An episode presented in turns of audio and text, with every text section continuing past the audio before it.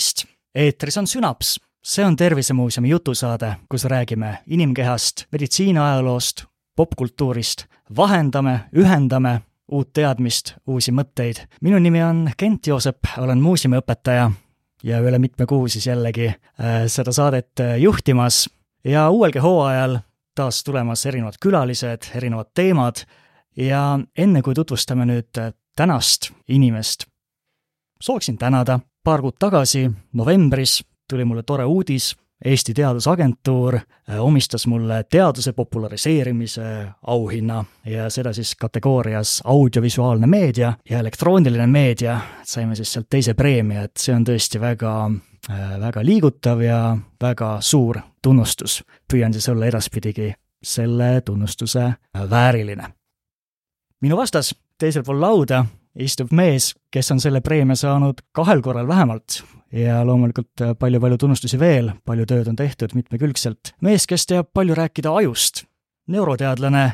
Jaan Aru, tere tulemast!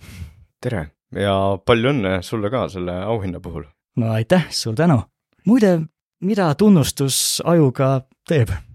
no tunnustus on ikka pigem selline hea asi ja seda tasub nagu ikkagi jagada, et tõesti soovitan kõigil seda vahel oma kaastöötajatega jagada, oma lastega jagada, teistega jagada, sest ega eestlane on pigem selline kitsi tunnustaja, noh, et mm -hmm. ütleb, noh, normaalne, käib kah, on ju, aga tegelikult tunnustust on vaja, muidugi kui, kui anda iga päev tunnustust, et noh, et laps tuleb, ükskõik mis joonistus tuleb, iga kord, oi, fantastiline meistriteos no,. tubli. siis, siis ta ei tööta enam, on ju. aga just sellised asjad on ju, et, et on ju, teed mitu aastat podcast'i ja siis saad selle suhteliselt kõrge tunnustuse, noh, see on ikkagi kohe selline motiveeriv asi, on ju nii? No.. tundsid, et motivatsioon, noh, et see nagu ka kohustus natukene, et sa pead nüüd tegema seda samamoodi edasi, on ju, noh, et see, selline tunnustus hoiab tegelikult inimesed äh,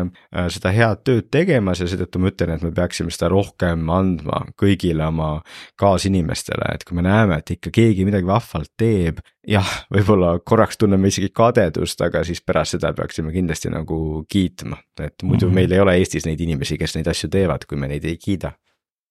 mõtlesin, et võiksime täna rääkida siis loovusest. rääkida sellest, kuidas tekib uus mõte ajus, kuidas teha nii, et neid uusi mõtteid tekiks rohkem, et me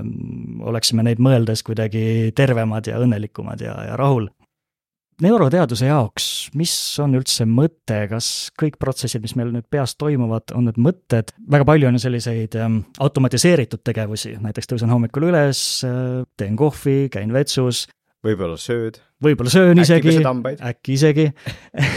võib-olla paned riidesse. mine tea et, et jaa, et, et noh, selles suhtes mõte on nagu selline natukene jah, kindlapiirilisem asi, et meil on äh, erinevad emotsioonid, on ju äh,, mis tekivad, siis meil on tõesti sellised automaatsed liigutused, mõni teist võib-olla praegu liigutab oma jalga või kätt täitsa automaatselt äh,. ja kui te näiteks kuulete seda, mis me siin räägime, on ju, siis see ka iseenesest ei ole mõte. mõte on sel hetkel, kui me teeme näiteks väikse pausi ja siis te tunnete, et järsku teil nagu endal tekkis mingi mõte seoses selle jutuga, mis me siin räägime, eks on ju. et, et mõte on midagi kindlapiirilisemat um, ja, ja mõte on ka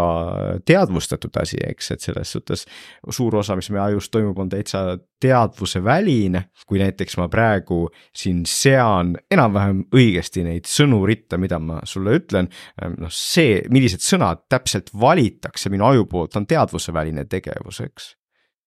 mina ise saan nagu teadlikult määrata ainult seda üldsuunda, nii et kui sa küsid mult näiteks järgmise küsimuse, siis mõte on see, et mul tekib nagu see esimene idee umbes sellest, et mida ma hakkan vastama, aga siis kuidas täpselt see vastus tuleb, see on juba teadvuseväliste protsesside ähm, jõul.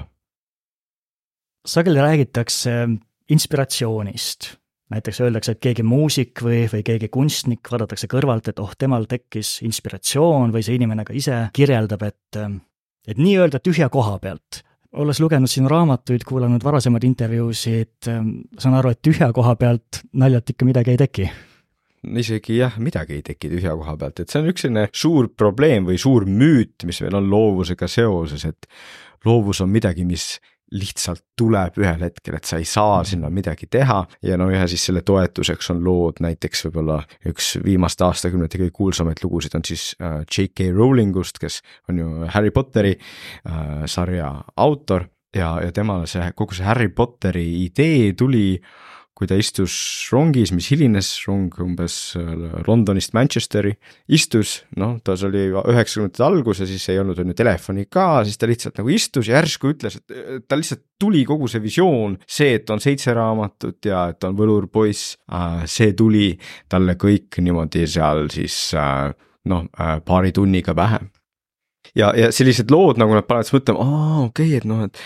loovus niimoodi käibki, et sa lihtsalt pead õigel hetkel istuma ja võib-olla sõpradega veini jooma ja siis mõtted tulevad. ei noh, et see ei võtaks arvesse seda, et on ju näiteks J.K. Rowling väiksest peale oli tahtnud raamatuid kirjutada, ta oli kirjutanud mitmeid lugusid, kogu aeg tema eesmärk oli on ju kirjutada selliseid äh, ägedaid raamatuid, see oli tema elu, see oli tema elu ähm, eesmärk. nii et see ei olnud su su sugugi suvaline, et tal, et just temal see mõte tuli, on ju. ja teiseks noh, see, et ta seal rongis oli, tal ei olnud midagi teha see ka nagu soodustas seda, et aju nagu hakkas omasoodu siis veel nagu äh, seda kõike kokku küpsetama ja siis järsku niimoodi plahvatusena või antud juhul võib-olla sellise laviinina need ideed tema ajust tulid. ühesõnaga, meil on selliseid hetki, kus tuleb inspiratsioon järsku, aga need ei ole midagi müstilist või need ei tule kuskilt väljaspoolt, tulevad meie ajust ja nad tulevad seetõttu, et me oleme selle eeltöö ära teinud. et me oleme enne näinud vaeva ja üritanud midagi luua tegelikult. aga ometi see hetk tundub kuidagi ülimalt võimas, kuidagi ülimalt ehe, nii ja, päris. ta on äge, noh, ta on mhm. tõesti selles suhtes, mina ise olen ka neid hetki uurinud, nimetame neid näiteks mõttevälgatusteks või ka ahhaa-hetkedeks, et need hetked on ägedad, need kindlasti on hetked, mis ka mind äh, hoiavad nagu teadust tegemas, et sa lihtsalt mõtled mingi asja peale, üritad aru saada ja siis järsku tuleb täitsa suvalisel hetkel teinekord mingi uus mõte nagu täiesti nii nagu äh, tühja koha pealt. ja noh, et äh, noh, ma olen neid uurinud ja, ja ka selles äh, viimases raamatus loovusest ja lugelemisest kirjeldanud, eks, et keda huvitab näiteks viiendas peatükis, et need hetked on nagu tihtipeale inimestel elu muutvad jah, et, et ühe loo rääkis mulle Navi Trolla äh,, Eesti tuntud kunstnik, kellel ähm, siis reisil Abhaasias tuli järsku see tunne, et ma pean joonistama, pean tagasi joonistamise juurde minema. ja kui me võtame seda J.K. Rowlingu mõttevälgatust, noh siis see ei olnud mitte ainult tema elu muutev, vaid see oli maailma muutev, eks, et see nagu tõesti kogu see Harry Potteri sari on ju muutnud nagu meie maailma, nii nagu ta on, jah. -hmm kuidas luua tingimused äh, mõttevälgatuse tekkeks? rääkisime siin seda, et noh, mingi sisend peab olema, et sa pead olema selle peale mõelnud, sa pead olema tegelenud, kokku puutunud erinevate teemadega. jah, et, et sellised noh, mõttevälgatusi võib tekkida ka siis, kui sul ei, ei ole väga palju teadmisi, aga siis sellel mõttevälgatusel tal ei ole väga palju väärtust, eks. et mõttevälgatus selleks, et saada midagi noh, tõesti huvitava mõtte peale tulla, selleks sul peab olema ajus piisavalt neid teadmise tükke, eks ja ma ise võrdlen seda nagu Lego ehitusega. et sa nagu, kui sa teed midagi loovat ja me ei räägi ainult muusikast või kirjutamisest, me räägime ka ettevõtlusest, teadusest, eks, et sa, sa üritad millegi uue peale tulla, ükskõik mis alal. sul on vaja teada, mis on varem tehtud, sul on vaja teada seda, äh, mida teised on teinud, sul on vaja teada, mida üldse on võimalik teha, eks. ja seda sa saad, see tähendab seda, et sul ajus on need teadmiste tükid nagu ja siis sul ajus nagu käib kogu nende teadmiste tükkide kombineerimine, et saada kokku midagi täiesti uut ja siis loovinimene ehitab, jällegi loovinimene mitte on ju nagu kunstnik, vaid loovinimene nagu inimene, kes tahab uue lahenduse peale tulla, näiteks ettevõtluses. ta üritab seda legot ehitada, aga vahel lihtsalt noh, teadlikult ei vali õigeid tükke ja siis istud seal arvuti ees või ükskõik kus ja mõtled ja ei tule ja ei tule ja ei tule. ja siis, kui lased lõdvaks, siis kui ei tee midagi justkui, siis kui lased minna, justkui annad alla, siis aju ehitab seda lego edasi ja teinekord tuleb selle nii-öelda õige tükkide kombinatsiooni peale. nii et noh, siin on näha, et sul on vaja tegelikult teha tööd, vahel palju, mitu kuud, vahel mitu aastat, aga teiseks sul on vaja anda ajule ka seda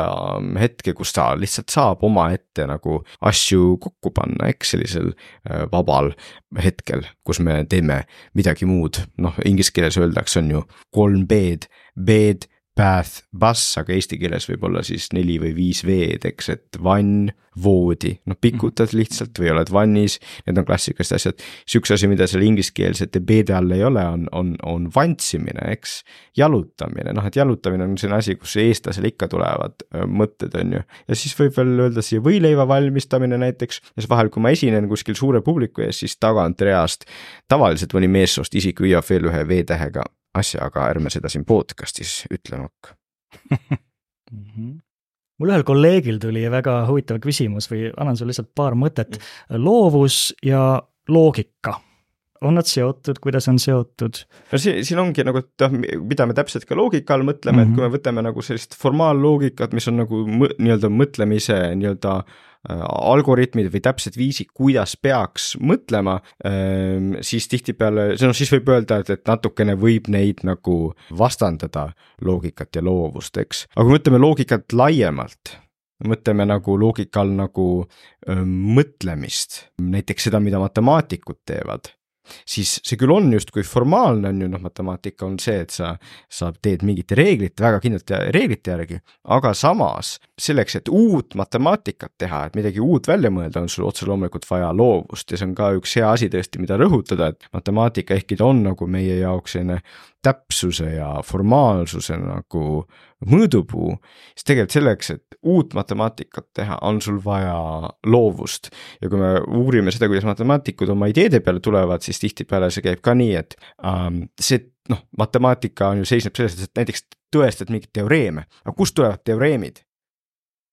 See tuleb lihtsalt teinekord täitsa niimoodi, et matemaatik lihtsalt tuleb selle idee peale. aa, okei okay,, see on nii ja siis, no see on mingi kuulus tsitaat ka, mul ei tule täpselt meelde, aga noh, et, et põhimõtteliselt, et minu töö seisneb selles, et ma teadlikult üritan leida tõestust sellele teoreemile, mis minule tul-, lihtsalt tuli nagu äh, nii-öelda kuidas me ütleme, lambist või siis kuskilt noh, minu kont-, minu sõna kasutades mõttevälgatusena. et nad, et teoreemid, matemaatika nagu põhi sellised tööhobused, nad ei sünni loogilise mõtlemise toel, vaid nad tihtipeale lihtsalt tulevad ja matemaatik siis nagu üritab nagu seda siis tõestada ja, ja seal ta kasutab, on ju selliseid loogilisi formaalseid võtteid ja kuidas sa tõestad seda siis. Tihtipeale on ju viiekümne, kuuekümne lehe peal, aga see alge on see mõttevälgatus just, et mis on siis vaja sõnastada, formuleerida, tõestada. jah, ja no see, see on tõesti mm -hmm. väga põnev asi, mida me no lõpuni ei olegi keegi lahendanud, et no kuidas see, kus need, kus need originaalsed ideed siis tegelikult tulevad, eks, et mina ütlen ka on ju, et noh, kombineerid Lego tükke, aga see tegelikult ei selgita seda päris hästi ära, sellepärast et noh, et kuidas siis tulevad ikka täiesti uued ideed, noh jällegi, kui oleme matemaatikas, on ju, et, et, et kust sul see tuleb, see täiesti uus teoreem nagu, kuidas see selle peale tuleb tegelikult ja, ja see on nagu osati selles viimases raamatus nagu natuke natukene lahti selgitatud, aga tegelikult tundub, et seal on nagu mõned komponendid veel, mida me veel äh, nii hästi ei, ei tunne uued ideed on mõnusad, uudsus on ajule oluline, me naudime seda. miks see nii on või miks me oleme loovad? nojah, et need on natukene seotud ja et see on noh, selline ük, üks selline minu, minu enda hüpotees, et, et äh, esiteks äh, inimesele, aga ka teistele loomadele on uudsus väga tähtis no uudsus annab sulle signaali, et ma pean midagi õppima. see uudsus võib olla positiivne, on ju, võib olla negatiivne, on ju, aga see on väga tähtis, et ütleb, et mul on maailma kohta veel midagi õppida. Ja siis kõikide loomade ajus me näeme, et nagu selline äh, positiivne uudsus tekitab sellise mõnureaktsiooni, dopamiin vallandub, äh, see on ajule mõnus. Ja mis tundub siis vahel või mida ma ise ka välja pakkunud, on see, et, et inimeste jaoks nagu see uudsus on veel olulisem kui nagu teiste loomade jaoks. noh, et see on üks põhjus, mida noh, see on selline hüpotees on ju, et, et noh, miks inimene üldse Aafrikast välja rändas, eks, et noh, et mm. tegelikult tal lihtsalt on selline nii-öelda kihk nagu näha teisi kohti ja minna ja nagu riskida ja nii edasi. aga siis millega, mis sellega kaasneb, on see, et siis äh, kui inimene, kujutame ette, et tal nagu aju tahab uudsust, aga nüüd seda uudsust kuskilt võtta ei ole, on ju, sa oled seal oma külas, on ju, kõik teevad nagu tavalisi asju no siis see viis, mida see uudsust jahtiv aju võib teha, on, ongi, et sa üritad nagu, et üritab nagu ise millegi uue peale tulla, selle uue mõtte peale. Ja siis hakkab, on ju, leiutama seda, kas siis kivikirvest või, või mingit äh, seda põllukündmismasinat või siis on ju mingisugust telefoni või, või lambipirni või, või nii edasi, et noh, et minu jaoks see inimese kihk nagu uudsuse järgi on selles suhtes nagu otsene mootor nagu loovuse jaoks, et me, me loome seetõttu, et meil on igav põhimõtteliselt, eks, ja no ma ise tean ka seda väga hästi, et see on ka minu jaoks nagu selline asi, mis ma lihtsalt, ma, ma, ma, ma ei suuda niimoodi, et ma lihtsalt nagu äh, loen mingeid asju ja teen mingeid, mingeid lihtsaid asju, mul on vaja seda, et ma nagu teeksin ka midagi uut ja, ja noh, sest inimesi on palju ja kindlasti kuulajad ka paljud tunnevad selle ära, et sa lihtsalt vahepeal sa tahad midagi teha täitsa teistmoodi nagu. tänapäeva maailmas meil on tohutult palju impulsse, erinevaid signaale ja seda uudsust tulebki lihtsalt igast aknast, igast sõna, sõna otseses mõttes igast seadmest ja, ja igast kohast. ja, ja teinekord saab seda kuidagi väga palju, et inimesed kogevad sellist äh, ajuudu, öeldakse vist, vist kõnekeeles või no, mis, mis see on, kuidas seda maandada, kuidas sellega toime tulla? no et, et see on üks, üks, alustame isegi näiteks kaugemalt, et see on mm -hmm. üks, üks, üks suur probleem, et noh, et ongi, et kui me kujutame ette, on ju veel, veel paarkümmend aastat tagasi näiteks, et Eestis, kui sa tahad midagi uut teha nagu, noh, mis su valikud on siis noh, selles suhtes, et sa pead, sa pead midagi siis äh, uut hakkama kätega tegema, uut kirjutama, uut leiutama, on ju. aga tänapäeva probleem ongi, et kui nüüd inimesel on nagu vajadus uudsuse järele no sa ei pea midagi leiutama. sa ei pea midagi kirjutama. sa ei pea midagi tegema, sul on lihtsalt seal, võtad selle telefoni ja sul on sealt lõputult uudsust, on ju. ma ei usu, et paljudel kuulajatel nii on, aga, aga paljudel tänapäeva noortel kindlasti on. et, et, et sul on, ongi telefonis on sul kõik need äpid, on ju äh,. TikTok, Instagram, Twitter, sul lõputult võimalik sealt saada uut sisu kätte, eks ma ei tea, paljud kuulajad on kunagi näiteks TikTok'i lahti teinud ja proovinud um,. mul endal TikTok'i ei ole, aga ma sõidan tihti bussiga ja siis ikka see on huvitav vaadata, kuidas nagu mõni inimene nagu terve kaks pool tundi nagu lihtsalt liigutab pöialt seal ja vaatab neid uusi videosid, eks on ju. ja, ja see on nagu ühesõnaga tohutu äh, nii-öelda positiivselt öeldes on ju varasalv, kus saada uudsust, aga negatiivses mõttes noh, sul ei ole vaja siis enam ise midagi teha. sul ei ole vaja ise kirjutada, sul ei ole vaja uut tantsuliigutust mõelda, sul ei ole vaja uut retsepti mõelda, sul ei ole vaja midagi leiutada. sul lihtsalt, sa saad selle uue sisendi, on ju, sa lihtsalt äh, liigutad oma pöialt mm -hmm. ja see on probleem ja siis otse loomulikult võib ka olla, et, et, et sul nagu, kui sa liiga palju seda kõike äh, tarbid, siis esiteks sa ei loo ise midagi noh, sa ei rakenda seda potentsiaali, mis sul on ja, ja teiseks äh, see mingil hetkel sellest saab ka liig nagu, nagu ajule jah, et siis võib tekitada selle olukord, kus sa tunned, et sul on nagu see info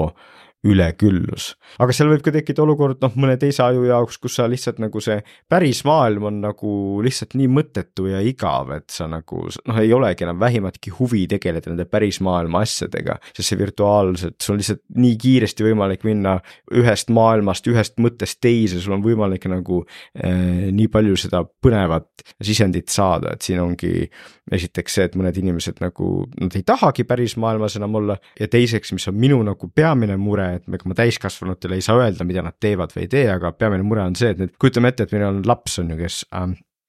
võiks olla nagu nutikas selles suhtes, ta võiks äh,, kui ta koguks neid äh, teadmise tükke äh, näiteks äh, muusikast või, või käsitööst või leiutamise alal, siis ta võiks nagu seda teha ja võiks super heade uude, uute ideede peale tulla, aga kui ta nüüd on ju, mängib kuus tundi päevas Minecrafti või on, on viis tundi päevas Tiktokis, no siis tal lihtsalt ei ole võimalik, tal ei ole aega ja, ja võimekust äh, seda oma ajupotentsiaali rakendada ja noh, see on üks asi, mille, millest ma olen, olen palju rääkinud, et nagu inimesed vähemalt teadlikud oleks, et, et see on probleem. et äh, nutiseadmed, TikTok, Twitter ja muud programmid, nad on maailma kõige paremad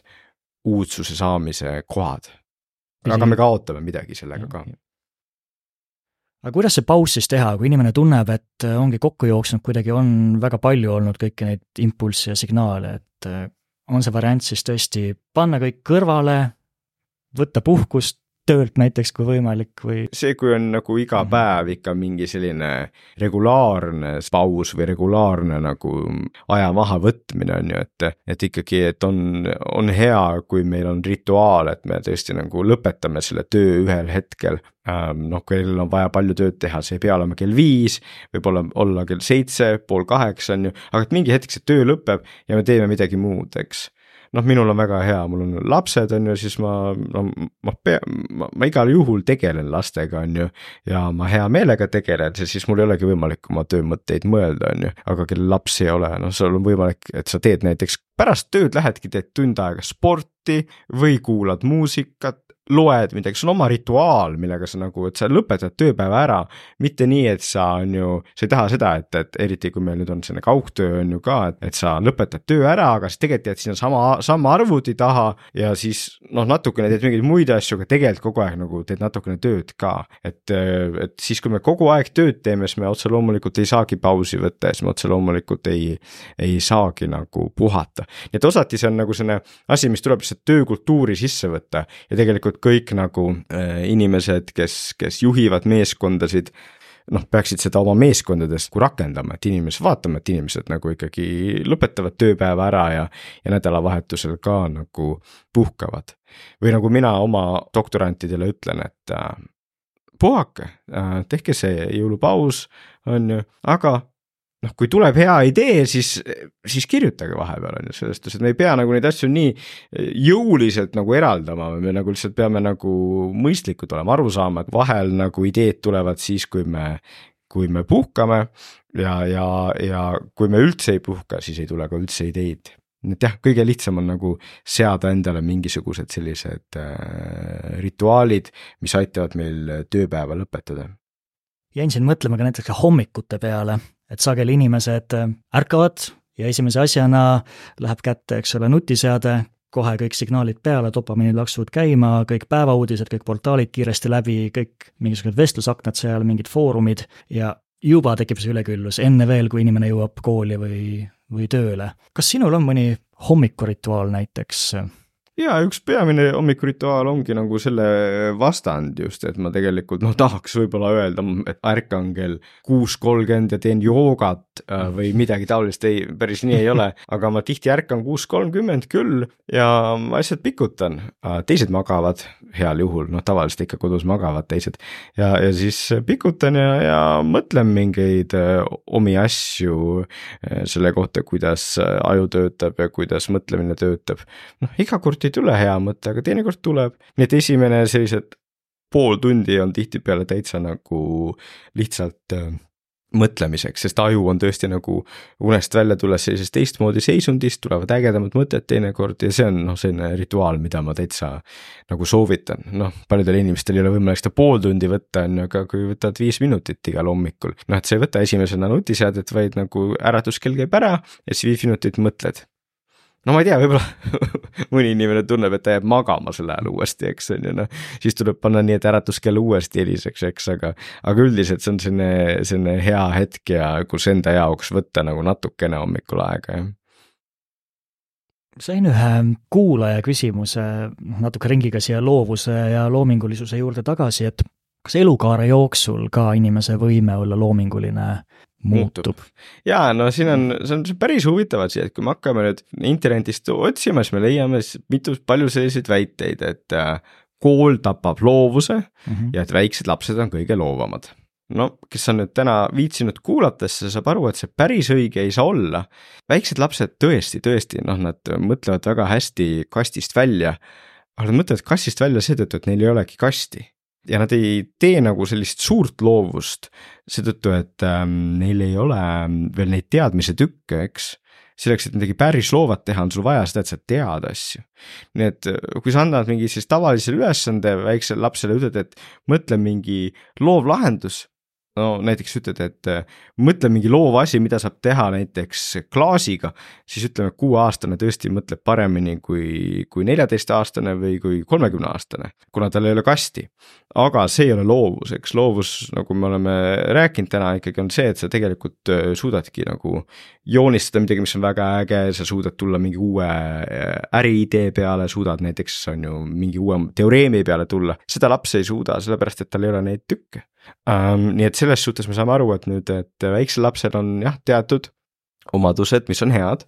ja me võime selle juurde tagasi tulla. Äh, noh, et koolis kahtlemata saaks nagu loovust paremini ka soodustada, noh seda oma raamatus kaheksandas mhm. peatükis ka kirjutan, eks aga tegelikult, kui me vaatame lihtsalt, küsime loovuse kohta, siis jah, et, et, et ühel heal sellisel looval inimesel läheb nii, et tal esimene selline noh, kõigepealt on lapsepõlv ja siis mingil hetkel hakkab tõsisemalt tegelema ja siis tegelikult läheb selline hea kümme, kaksteist aastat, enne kui tal hakkavad nagu päris loovad asjad tulema ja noh, mõni, mõni inimene nagu mina ise ka nagu avastas selle, et ma nagu tahan näiteks selle oma teemaga tegeleda, on ju, alles siis, kui ma olin umbes kakskümmend või noh, sain just kakskümmend. no ja siis sealt tuleb hakata lugema neid äh, aastaid ja, ja, ja siis see nagu värsked ideed, eks nad, eks nad tõesti seal sellised head,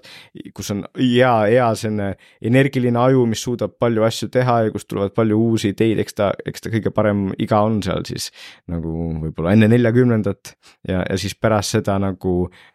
on võib-olla raskem tulla selliseid, selliste maailma muutvate ideede peale, aga teisest küljest, kuna sul neid teadmise tükke on nii palju mm, -hmm. siis nagu loovust saab siis äh, väga hästi teha terve elu vältel ja tegelikult on, on, on mitmeid näiteid inimestest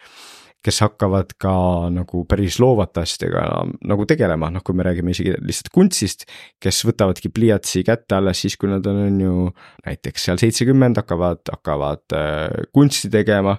teevad hästi või noh, meil endal on nüüd nii ilus näide on ju Sven Mikseri raamat äh,, võitis, võitis selle raamatuvõistluse ja tegelikult on ju äh, sellist kirjutamist hakkas tegema alles võib-olla paar aastat tagasi või niimoodi, et on ju, et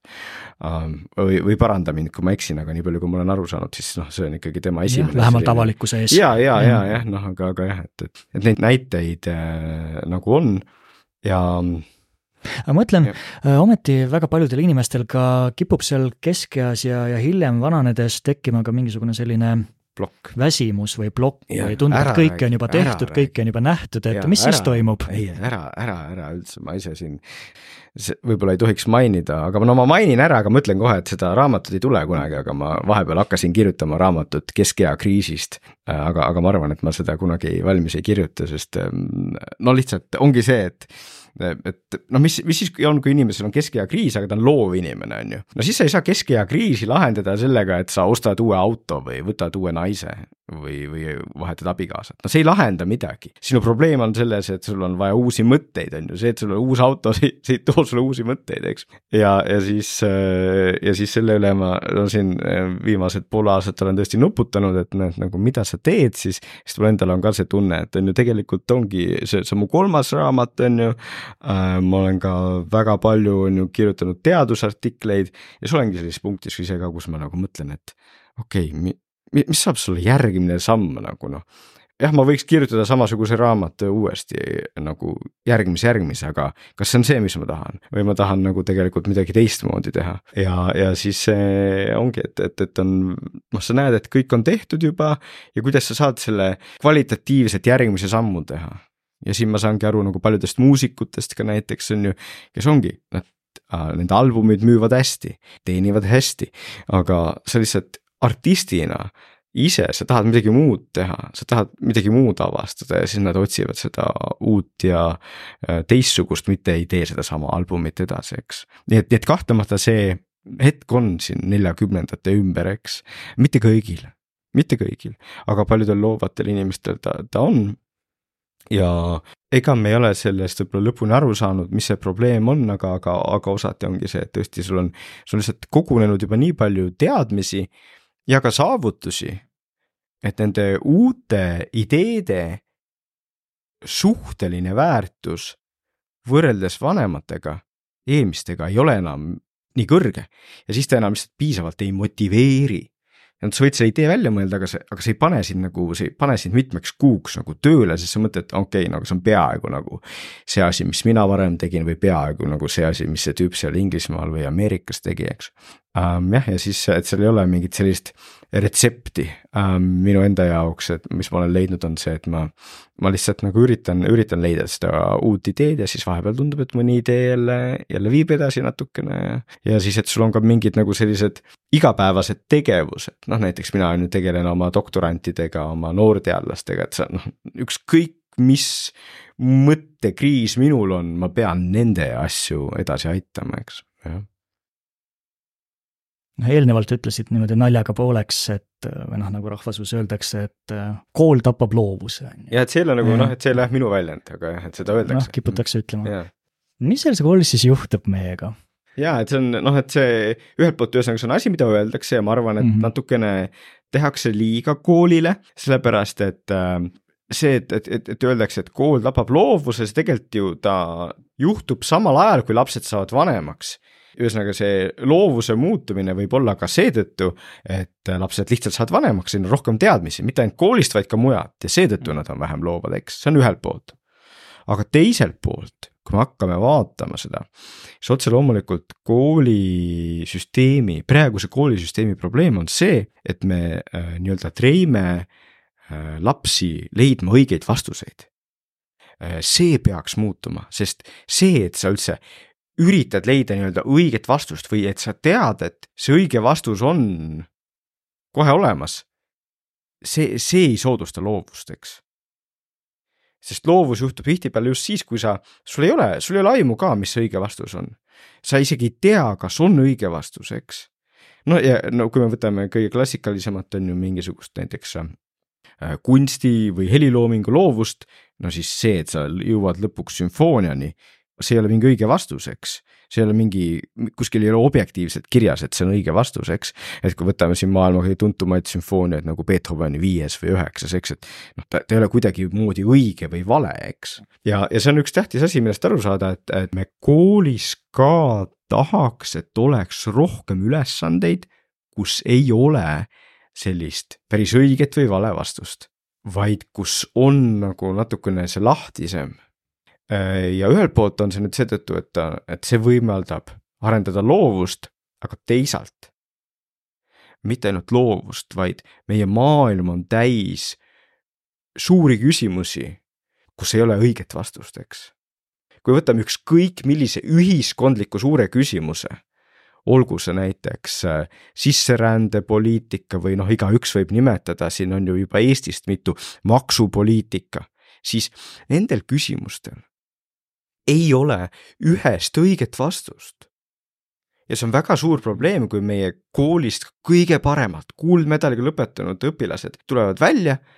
ja nad on harjunud sellega, et igale küsimusele on õige või vastu, õige või vale vastus. siis me teemegi rohkem neid inimesi ühiskonda, kes vaidlevad, kes üritavad seda öelda, et ei, mul on õigus, ei, sa eksid, sa oled loll, mul on õigus, sest iga tegelikult nendel keerukatel küsimustel ei ole sellist mustvalget õiget vastust. jah see on normaalne, et meie pooldame ühte või teist. ükskõik jällegi maksupoliitikas äh,, immigratsioonis, ükskõik mis teemas. aga on tähtis, et tark inimene on, on see, kes saab aru, et isegi kui mina pooldan ühte, siis on ka argumente teise poole kasuks ja et see ei ole mustvalge, see ei ole, et on õige või vale vastus. seega see, kui me koolis anname rohkem projekte ja asju, kus õpilased saavadki nagu ähm, mitte leida õiget või vale vastust, vaid nagu uurida asja kohta, see võimendab loovust, aga see võimendab ka seda, et need inimesed, kes sealt koolist tulevad, on paremini ühiskonna jaoks valmis ja see on midagi, mida saab praktiliselt igas aines natukene teha, eks, et sa noh, meil on, mis on, mis on minu kooliajaga teistmoodi, on see, et nüüd on need praktilise uurimis, praktilised uurimistööd on ju, kus õpilane saab nagu mitme kuu vältel nagu oma teemasse süveneda, väga vahva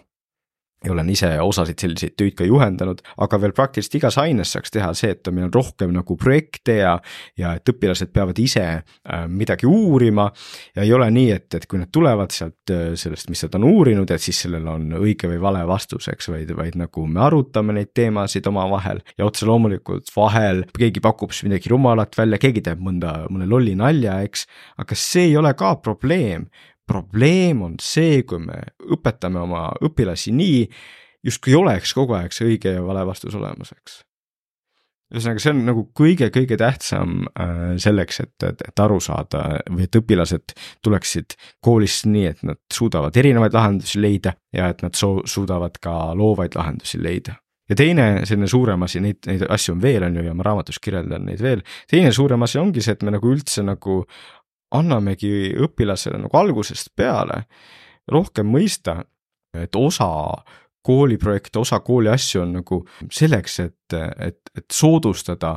tema eneseteostust, et ta, et ta äh, algusest peale nagu üritaks osa projekti teha mitte nii, nagu õpetaja ütleb, vaid nagu natukene oma teemal, eks, noh, esimeses klassis saab seda vähem teha, aga mida kaugemale jõuad, seda rohkem. osad lapsed jõuavad juba kaheksandas klassis sinna, et nad teavad täpselt, mis nad tahavad teha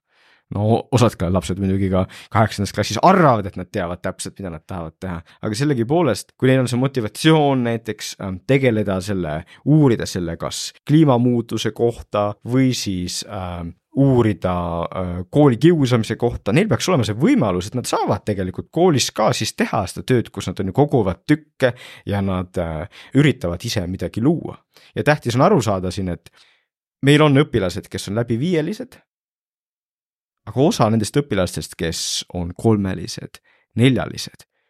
võivad särada siis, kui neile anda kätte see projekt, mida nad ise tahavad, sest need on need õpilased, keda ei motiveeri see akadeemiline asi, aga kui neil on oma teema, on ju, et nad saavad näiteks äh, kirjeldada paremini, kuidas ATV toimib või kuidas äh, teha tuleviku ATV-d, siis nad tegelikult on motiveeritud tegelema ja see on asi, mida tegelikult on lihtne koolisüsteemi lisada ja mida me võiksime koolisüsteemis üha rohkem teha. iga õpetaja saab seal sellise väikse alguse ise teha jaa, ja haridussüsteemi kiituseks tõesti tuleb öelda, noh nüüd ka natuke isiklikku kogemust, et läksin sügisest uuesti ülikooli, viimati käisin seal kuskil kümme aastat tagasi ja tõesti on muutunud see, et räägitakse, kuidas õppida üldse, kuidas õppimine toimib, millised on erinevad viisid, millised on erinevad taktid ülikoolis näiteks ja, ja, ka. aga, aga, aga just, et, aga tegelikult me mhm. tahaksime seda öelda ju kohe nagu esimeses klassis, teises klassis, noh, sa ei saa mm -hmm. kõiki nippe öelda. et järk-järgult on tulnud osalt, osalt ka tänu sinu tööle ja, ja sinu kirjutustele, noh. aga, aga see on väga tähtis, sest noh, tõesti ma noh, mõtleme nii, et on ju, inimene läbib terve kaksteist klassi ära, siis käib veel ülikoolis ära ja siis näiteks baka viimasel kursusel talle räägitakse, kuidas õppida. oo, muidugi, aga miks ma seda ei teadnud viiendas klassis, noh, et me saame tegelikult öelda neid asju ja mina olen tõesti öelnud nagu, nagu algklassides juba, juba neid loenguid pidanud ka, et, et noh, et tähelepanu näiteks on ju, et selles suhtes laps, noh, ta ei saa aru ise on ju, et, et, et, et, et kui ta õpib nagu teleka ees, et siis tal tegelikult nagu ei jää asjad meelde, aga ta võiks lihtsalt õppimise ajal nagu ta saab pool tundi lühemalt teha õppimise, kui ta lihtsalt paneb selle teleka kinni ja nii asj-, nii edasi, noh, need kõik need nipid, mis meil on õppimise kohta, eks, et tõesti anname neid juba väiksest peale, et kuidas need käivad, mis üldse on nagu see mõtlemine, mis on loovus, et me räägime nendest asjadest nagu äh, lastele, äh, õpilastele ja siis neil on palju selgem, okei okay,, miks ma üldse siin koolis käin. ja et õpetaja saab seda näiteks ähm, kaasa aidata sellele nii, et ta praktiliselt iga ülesande puhul, mis ta nagu näiteks koju annab, ta selgitab üldse, et miks noh, et miks, miks seda vaja on või miks see ülesanne vaja, vajalik on, noh et minu ajal, kui mina käisin koolis, siis oli noh, õpetaja ütleb ja seetõttu pead tegema mm. -hmm. aga tänapäeva lapsed on, on teadlikumad, vahel võib-olla liiga palju, aga noh, et, et see on hea ka, sest tegelikult see on hea ka õpetajatele ja koolidele mm -hmm. läbi mõelda, et okei okay,, miks seda ühte või teist ülesannet üldse nagu tegelikult vaja on. jah, või lahendage see ülesanne rühmatööna mm, -hmm. aga just, et miks rühmatööna, mida see meile annab. ja, ja, ja, ja mida, mida peaks rühmatöö juures mm -hmm. nagu tegema ja jällegi, et õpi-, õpetajad ka teaksid üldse, et et võib olla nii, et see õpilane, kes on muidu kolmene, ta ei saa hästi hakkama, siis rühmatöös ta on hea sest et see on tema tugevus, see on tema tegelik tugevus, mida lihtsalt nagu matemaatikatund või, või võõrkeeletund ei näita, aga rühmatöös ta lihtsalt on väga hea nii-öelda teiste inimestega suhtlemises. siis see on see, mida tema peab avastama, see on see, mida tema peab arendama ja nii edasi, aga kool võiks ka kõiki neid nagu aidata nagu avastada mm -hmm. noortele, eks mm. -hmm. oh, äge. kuule, kui sa käid koolis ja suhtledki näiteks, ma ei tea, teine kooliaste, kolmas kooliaste, et mida õpilased küsivad valdavalt? see on ka väga vahva, no siin, et siin, siin haakub hästi selle eh, loovuse nii-öelda muutumisega koolis ka, et mul oli selline septembris vist oli selline nädal, kus ma käisin esinemas gümnaasiumile kõigepealt, siis äh, äh, kolmandale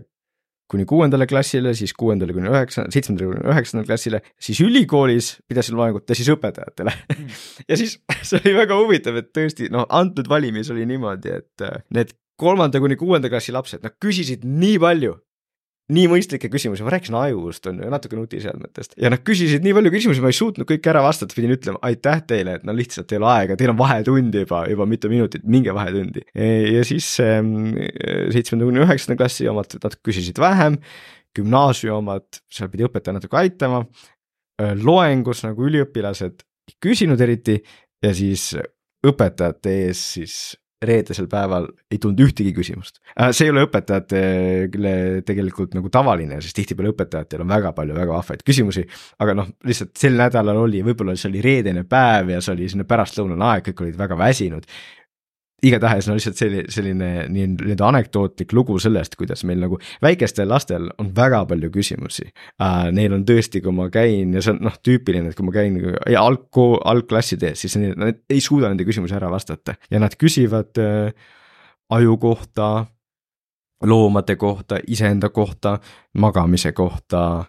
ja nii edasi nagu, nagu äh, vahel see tihtipeale selliseid küsimusi, kus ma ei oskagi vastata, sest nad osk-, küsivad hoopis mingi noh, ehm, mingi näiteks mitu korda on nüüd on mult küsitud seda, et nagu, et ka millal me saame nagu omavahel erinevaid loomasid nagu kokku panna, nagu kombineerida, on ju noh. ja siis, kui sa edasi lähed, siis jaa, seal see seitsmes kuni üheksas klass on kõige ohtlikum sest et seal on ikkagi paar korda küsitud, ka ükskord küsiti mult, et äh, mis šampooni sa kasutad ma naersin ja vastasin, et ilmselgelt ma kasutan vale šampooni. Äh, ja, ja siis nagu jah, et direktor juba tõusis püsti ja niimoodi mina, et ja mina naerin selle peale, et noh. minult küsiti ükskord, et kas ma tagurpidi saltot oskan. Ja, ja et, et no midagi taolist on ka küsitud, aga, aga noh, et tihtipeale on ikka täitsa nagu sellised äh, mõistlikud küsimused ka ja see on ka nagu üks asi, mida tõesti ma vast seal raamatus ka toon esile, et nagu tõesti tegelikult me peame ka arendama, et noh, noh, milliseid küsimusi üldse küsida, kuidas küsida. jaa, jah, et üldse, üldse osata need küsimused esitada. sest on lihtne, lihtne arvata, et aa, mis küsimuste küsimine, mis kunst see on mm, -hmm. aga no jällegi, selleks, et küsida tegelikult küsimust, sa pead nagu asjast mingil määral aru saama ja see ongi, et noh, see, see laps, kes küsib mul šampooni kohta, ta ei ole ilmselgelt üldse jälginud, mida ma räägin, aga see teine laps, kes küsib siis, et aga kui ma ikkagi olen viis tundi Tiktokis, et, et kuidas ma saan seda vähendada, noh, tema on ilmselgelt kuulanud, ta on, ta on seda nagu noh, ta on selle üle mõelnud, see on tema jaoks nagu tekitanud mingisuguse uue probleemi ja see, et ta küsib, see näitab, et ta on tegelikult ja nii ma vastangi talle, et ta on esimese sammu teinud tegelikult asja parandamiseks, sest ta, ta on aru saanud millestki. ja ta küsib seda, eks jah, nii et äh, see küsimiste küsimise kunst on ka midagi, mis, mida me peaksime arendama ja mida jällegi iga, iga õpetaja saab teha, eks, et ta nagu mitte ainult ei ütle niimoodi, et küsimusi on. ja siis läheb edasi, vaid nagu jätabki nagu selle pausi ja võimaluse ja ma ise ka see aasta hakkasin nagu tegema seda, et äh, ma loengus, äh, loengu keskel jätan nagu või mitu korda jätan sellise koha, kus lasen küsimusi küsida aga ma ei lähegi enne edasi, kui küsimused küsitakse, ma ei, ma lihtsalt istun, ma ei tee midagi, seni kuni hakkavad küsimused tulema, eks, ja siis tulevad. sest tegelikult küsimusi on, aga noh, jällegi lapsed ei ole tihtipeale harjunud üldse küsimusi küsima, et nad on harjunud, et õpetaja räägib kogu aeg ja sa kuulad ja noh, et sa ei või, või küsida. aga jah, et see küsimuste küsimine on ka, et vahel tulevad rumalad küsimused. näiteks see on ju minu šampooni kohta, aga see on okei okay äh, kui me saame vahel ka mõned nutikad küsimused, siis see on see, mis tegelikult äh, õpilasi edasi arendab kui sa küsid sel hetkel, sa oled aktiivne osaline, muidu sa oled lihtsalt ohver. eks, et kui sa lihtsalt kuulad ja sa oled passiivne, aga see, et sa ise küsimuse küsid, see on see tegelik aktiivsus. et vahel mõnes koolis või mõni õpetaja on võib-olla kuskilt valesti, valesti kuulnud, valesti aru saanud, arvatakse, et see aktiivsus on see, et sa koolis vahepeal teed võimlemisharjutusi, ei ole, aktiivsus on mõtlemisaktiivsus. Ja see aktiivsus äh, seisneb näiteks selles, et sa suudad selle küsimuse tegelikult küsida, on ju. Mhm kui sa saaksid ähm, haridussüsteemi muuta, paar asja, mida esmajärjekorras võiks hakata kohandama? no esimene asi, mille peale, mille jaoks ei pea üldse aju, ajuteadlane olema, on see, et noh, et õpetajate palgad peaks olema kõrgemad, eks. sest et äh, noh,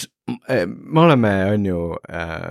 nutikas riik, meil on, me oleme väga uhked oma PISA tulemuste üle, aga kuidas me ei saa aru sellest, et nende tulemuste taga on see, et meil on äh, nagu head õpetajad ja hea koolisüsteem ja kuidas me ei näe seda, et, et noh, et see on potentsiaalselt lagunemas, kui me, kui meil ei tule järeltulijaid. et õpetajaamet peab ikkagi olema nagu palju rohkem au sees, mitte nii, et nagu meedias, kui noor inimene kuuleb õpetaja ametikohta, siis ta kuuleb seda, et raha ei ole ja nagu, et õpetajatel ei ole, nad, neil on väga raske, eks, nagu miks ta peaks siis minema nagu õpetajaks õppima, eks. et see on see, mis asi, mis nagu riigis peaks kindlasti muutuma, et nagu aru saama, et õpetajad on meie riigi ja laste nagu heaolu ja edu jaoks väga-väga tähtsad, eks ja, ja, ja teine samm ongi siis nagu aru saada, et me ei pea tänapäeval eriti nüüd sellise tehisaru ajastul, õpetama kõiki neid sisusid, mis meil on nagu ainekavas, vaid tegelikult vabalt võiks sealt nagu osa ära jätta ja selle asemel nagu siis äh, panna sisse neid asju, mis me oleme täna siin rääkinud, on ju. et, et lapsed, lastel oleks rohkem võimalust oma vastuseid otsida, et lastel oleks võimalus nagu omamoodi asju teha, iseennast avastada. sest äh, just tänapäeva maailmas, kus info on kõik kättesaadav, ei ole meil vaja koolina nii palju seda infot anda, vaid meil on vaja valmistada ette lapsed, õpilased, kes suudavad ise infot töödelda, infot otsida, õppida, eks. et me anname kõik need oskused koolist, muuhulgas ka oskuse pingutada, muuhulgas ka oskuse läbi kukkuda, aga et me anname kõik oskused nii, et, et õpilasel, kui tal on mingi oma huvi, mis teda huvitab, eks jällegi, see võib olla mustade aukude kohta, see võib olla mingi sümfoonia kirjutamine, see võib olla õpilasettevõtte tegemine, et tal on koolist oskused ja omadused, kuidas ta saab sellega hakkama, eks. Ja ma nagu tõesti nagu keskenduksin peamiselt äh, nendele omadustele ja nende omaduste arendamisele, eks. see ei ole lihtne, seda on lihtne siin podcast'is öelda, raskem rakendada, aga, aga põhimõtteliselt on see nagu tehtav ja osasid samme olen ise ka siin-seal tõesti kirjeldanud sa oled palju rääkinud ka une mõjust äh, ajule. Ähm, ja ka meie muuseumis praegu on siis unenäitus unest ja magamisest ja üks teema, mis seal on, on siis kronotüüp ehk teismelise kronotüüp nihkubki pisut hilisemaks, neil tuleb uni hiljem, tal on hommikul raske märgata. samas koolipäevad algavad ka ikkagi tohutult vara, et ütleme, kui oleks seda võimalik muuta ideaalmaailmas, ähm, jaa, ideaalmaailmas. kas võiks, võiks hakata ikkagi lõunast pihta õppimisega? ideaalmaailmas kindlasti nagu teismeliste kool võiks äh, tõesti äh, alata mõni tund hiljem. jah, et see ja see on asi, mis tegelikult on ju, ju tehtav. ma saan aru, algklassi laste puhul on, on vaja, et nad äh, tegelikult võib-olla tõesti lapsevanemad viivad nad kooli on ju ja nii, et ei saa seda muuta, neil, neil on tegelikult okei okay ka, aga nagu, nagu sa kenasti ütled, siis teismeliste puhul see, see unetsükkel nihkub ja see on asi, mis me võime võib-olla tõesti võiks ka Eestis nagu mõnes koolis kunagi mm ära teha, et see on võimalik. see on mõistlik ja, ja paljud teismelised seda ka tervitaksid ja kui unemõjust rääkida, nad saaksid ka koolis paremini hakkama, sellepärast et väsinuna seal koolis äh, olla ei ole väga äh, mõttekas. noh, et see on üks asi, mida ju täiskasvanud inimene ka teab, et kui ma nüüd tulen tööpäevast, pikk tööpäev, ma olen väsinud, siis ma ei suuda ju hakata õppima nüüd mingi, ütleme, et mu laps tuleb, ütleb, et no mul on siin füüsika ülesanne, noh, ma ei suuda seda lahendada, eks mm. -hmm. aga samamoodi see laps ise, kui ta on, on ju täiesti väsinud ja ta on koolis, ta ka ei suuda seda lahendada. mitte seetõttu, et ta oleks tobu, vaid võib-olla osati seetõttu, et ta on lihtsalt väsinud. Äh, nii, nii et see on kahtlemata üks selline väike asi, iseenesest noh mm -hmm., välja öeldes väike asi, aga põhimõtteliselt vajab sellist, usun, et vajab julgust lihtsalt, et keegi selle ära teeb, ma usun, et keegi selle varsti Eestis ära teeb küll mm. -hmm. et just, et, et rohkem mõistmist siis ka selles teemas, et ei ole siis ainult nii, et see teismeline unustab ennast nutiseadmesse ja on seepärast väsinud, seda ka, aga et on, on ka teisi aspekte seal. ja see on üldine asi, sellest just lihtsalt nagu on mitu korda läbi käinud, et noh, palju paremini saab asju õpetada, kui me võtame võtame nagu arvesse tegelikult, kuidas aju õpib, et aju ei ole lihtsalt nagu videokaamera, mis lihtsalt nagu suudab kõike jälgida ja kõik selgeks tuupida, ei, ei, sul on vaja neid pause, sul on vaja und, sul on vaja seda, et sa vahel aktiivselt kaasa teed, sul on vaja seda, et sa ise saad aru, et sa teed seda enda jaoks ja nii edasi, eks. Need on noh, sellised väiksed asjad, mida on võimalik teha, neid on võimalik teha ilma nagu äh, kümne miljoni mingite euro investeeringuteta, iga, iga kool saab neid natukene nagu rakendada no nii, hakkame meie jutuajamist kokku ka tõmbama. no loomulikult äh, patt oleks jätta küsimata nüüd ka tehisaru ja, ja selle, nende arengute kohta. kuule, algoritmid lähevad ju järjest-järjest paremaks, praegu nad pakuvad meile sisu, mis on juba olemas, aga ilmselt lähiaastate tulevikus hakkab meile tulema sinna sisu, mis on spetsiaalselt meie ajule loodud, mis on meile kõige kõige sobivam, kõige rohkem elevust ja põnevust ja uudsust tekitavam film ja muusikat täpselt minu aju jaoks. kuidas meie savannis arenenud aju peaks selle kõigega toime tulema, kuidas ennast hoida? ega ei tea, kas tulebki toime jah, et mm -hmm. ma mõtlen, et me näeme juba praegu ju, et ikkagi teatud protsendil äh, noortest ja ja ka täiskasvanud kasutajatest on praeguse sotsiaalmeediaga juba on ju äh, probleemid, et juba praegu, et, et ongi noh, ma käin koolides, lapsed, kes ütlevad, et nad on viis-kuus tundi päevas Tiktokis juba praegu. aga jah, et, ähm, et, et see kogu see süsteem muutub võimsamaks, kui tõesti nagu need, see tekst aga eelkõige pildid, videod on loodud nagu tehislikult täpselt selle järgi, mida äh, see inimene siis äh, tahab. ja midagi pole teha, et see on see reaalsus, mille suunas me liigume ja esimeseid katsetusi juba praegu tehakse, et osa Tiktoki videosid on tehtud nagu äh, generatiivse tehisaru abil ja seda me näeme üha rohkem. ja kas inimene on valmis? ei ole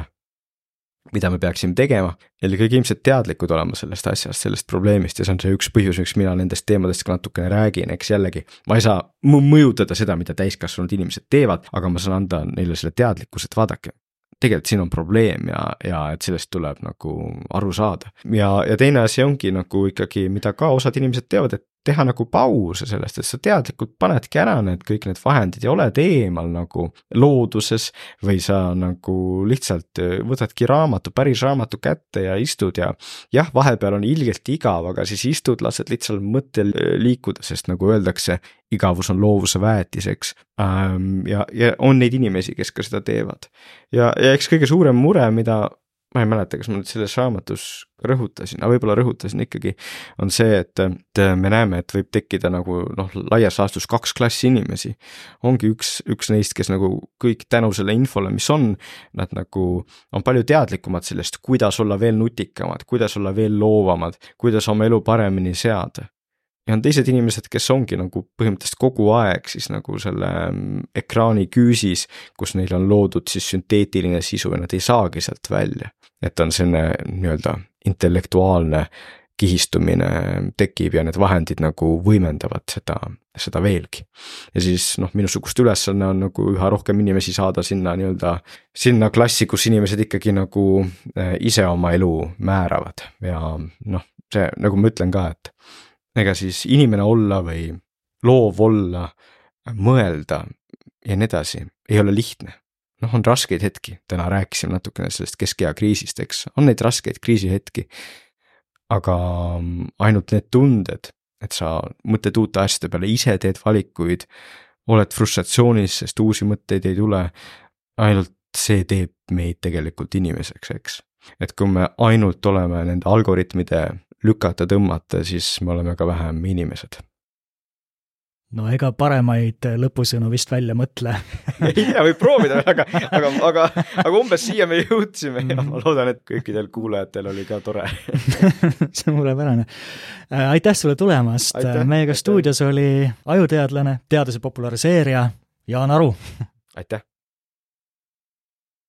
Ja aitäh ka kuulamast! Sünapsit saab kuulata nüüd ja edaspidigi Tervisemuuseumi kodulehelt levinumatelt podcasti platvormidelt ja muide, kui kuulates tekkis mõtteid, et millest või ka kellega sünapsis edaspidigi rääkida, anna julgelt märku, selleks võib kirjutada Tervisemuuseumi Facebooki lehele või miks mitte ka minule otse aadressile kent at tervisemuuseum.ee. olen tagasiside ja mõtete eest ülimalt tänulik ja loodan, et kohtume õige pea juba järgmises Sünapsis. seniks olge terved ja kuulmiseni, kohtumiseni Tervisemuuseumis.